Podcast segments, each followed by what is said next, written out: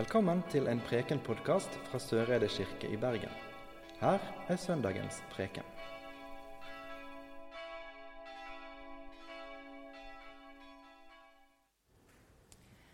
Da skal vi høre dagens evangelietekst, og vi reiser oss. Det står skrevet i evangeliet etter Matteus i det tredje kapittel. Jeg døper dere med vann til omvendelse. Men han som kommer etter meg, er sterkere enn jeg, og jeg er ikke verdig til å ta av ham sandalene. Han skal døpe dere med Den hellige ånd og ild. Han har kasteskovelen i hånden og skal rense kornet på treskeplassen. Hveten sin skal han samle i låven, men agnene skal han brenne opp med en ild som aldri slukner. Slik står det skrevet.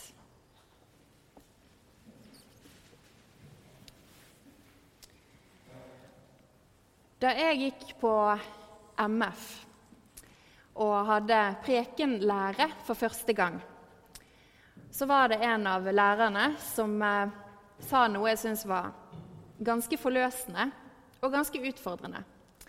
Hun sa at eh, når dere leser en prekentekst, så må dere ta tak i det vanskelige. Dere kan ikke gang på gang la være å omtale det som er krevende i teksten. Og det tenkte jeg på når jeg leste denne søndagens prekentekst. For dette er et litt sånn heftig bilde. For i denne teksten så møter vi døperen Johannes, som forteller om Jesus som skal komme og skille hveten og agnet. Og at agnet skal brenne opp med en ild som aldri slukner. Og Dette bildet det er sånn typisk som jeg tror kan sette en støkk i oss.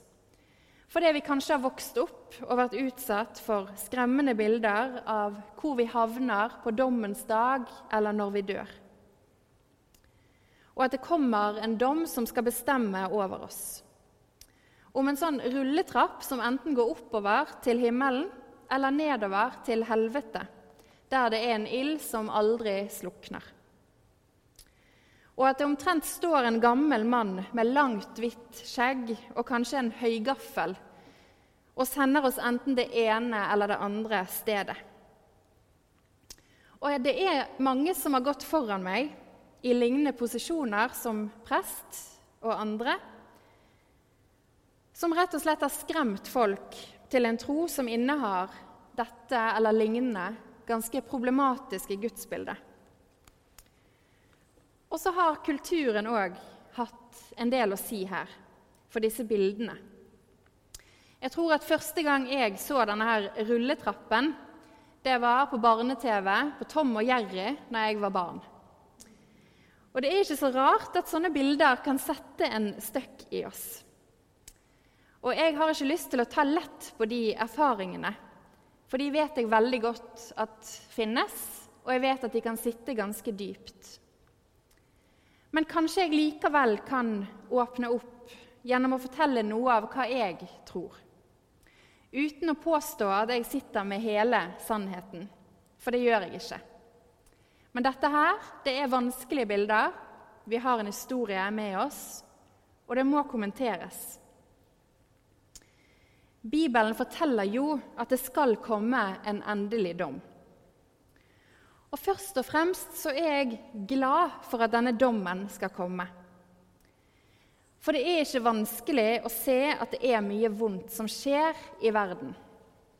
Rasistiske politiske systemer som ødelegger land og lokalsamfunn. Vold og undertryk undertrykkelse innad i familier. Mobbing som avler mer mobbing Menneskeskapte klimaendringer som vi ikke klarer å få senket utviklingen på i tide. Sykdommer som rammer de svake hardest, og store skiller mellom rik og fattig som bare fortsetter å øke. Det er fryktelig mye vondt i denne verden slik vi kjenner den. Og en dag så må det ta slutt. Jeg er glad for at det kommer en endelig dom. For denne dommen er faktisk godt nytt.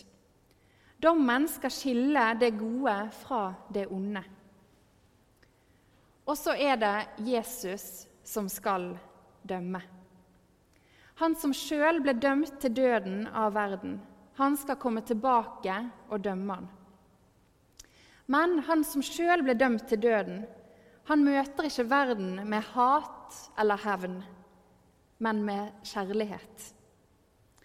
Jeg er glad for at det er Jesus som skal komme og dømme når tiden er inne.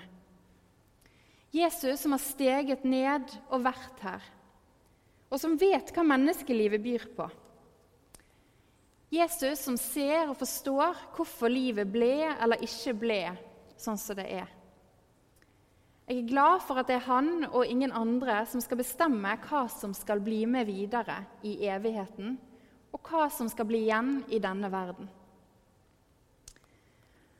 Og inntil den dagen kommer, så har vi sett og vi ser mange glimt av det gode som skal drive det onde ut. Teksten jeg leste, den snakket også om dåp. Og det setter jeg veldig pris på.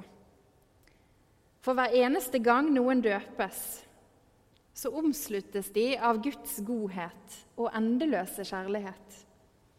Denne øses over oss i tre favner med vann, og den fortsetter å skylle over oss så lenge vi lever. I dåpen så blir vårt absolutte menneskeverd bekreftet av Gud sjøl, som skaper, frigjør og opprettholder oss som sine barn. Jesus har sagt at alle mennesker skal døpes. Det er en gave som går fra generasjon til generasjon, og som setter oss inn i ett fellesskap med Gud og med hverandre.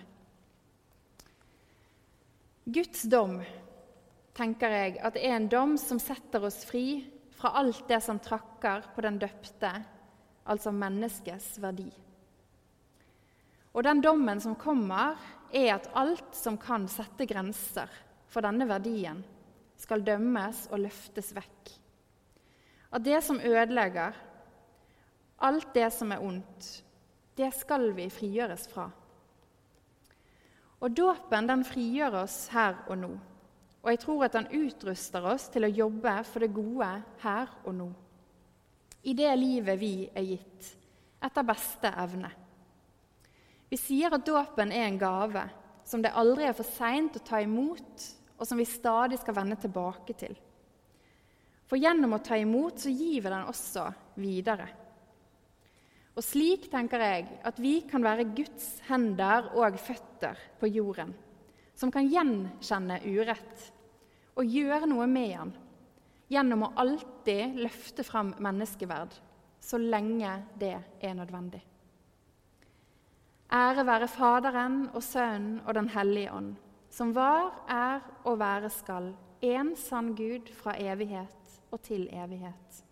Amen. Du har nå hørt en Preken-podkast fra Søreide kirke i Bergen. Vi samles til gudstjeneste hver onsdag og søndag, og har ellers arrangement for alle aldre. Følg oss gjerne på Facebook og Instagram eller finn oss på kirken.no soreide. Takk for at du hørte på. Inntil vi høres igjen, ha en god uke.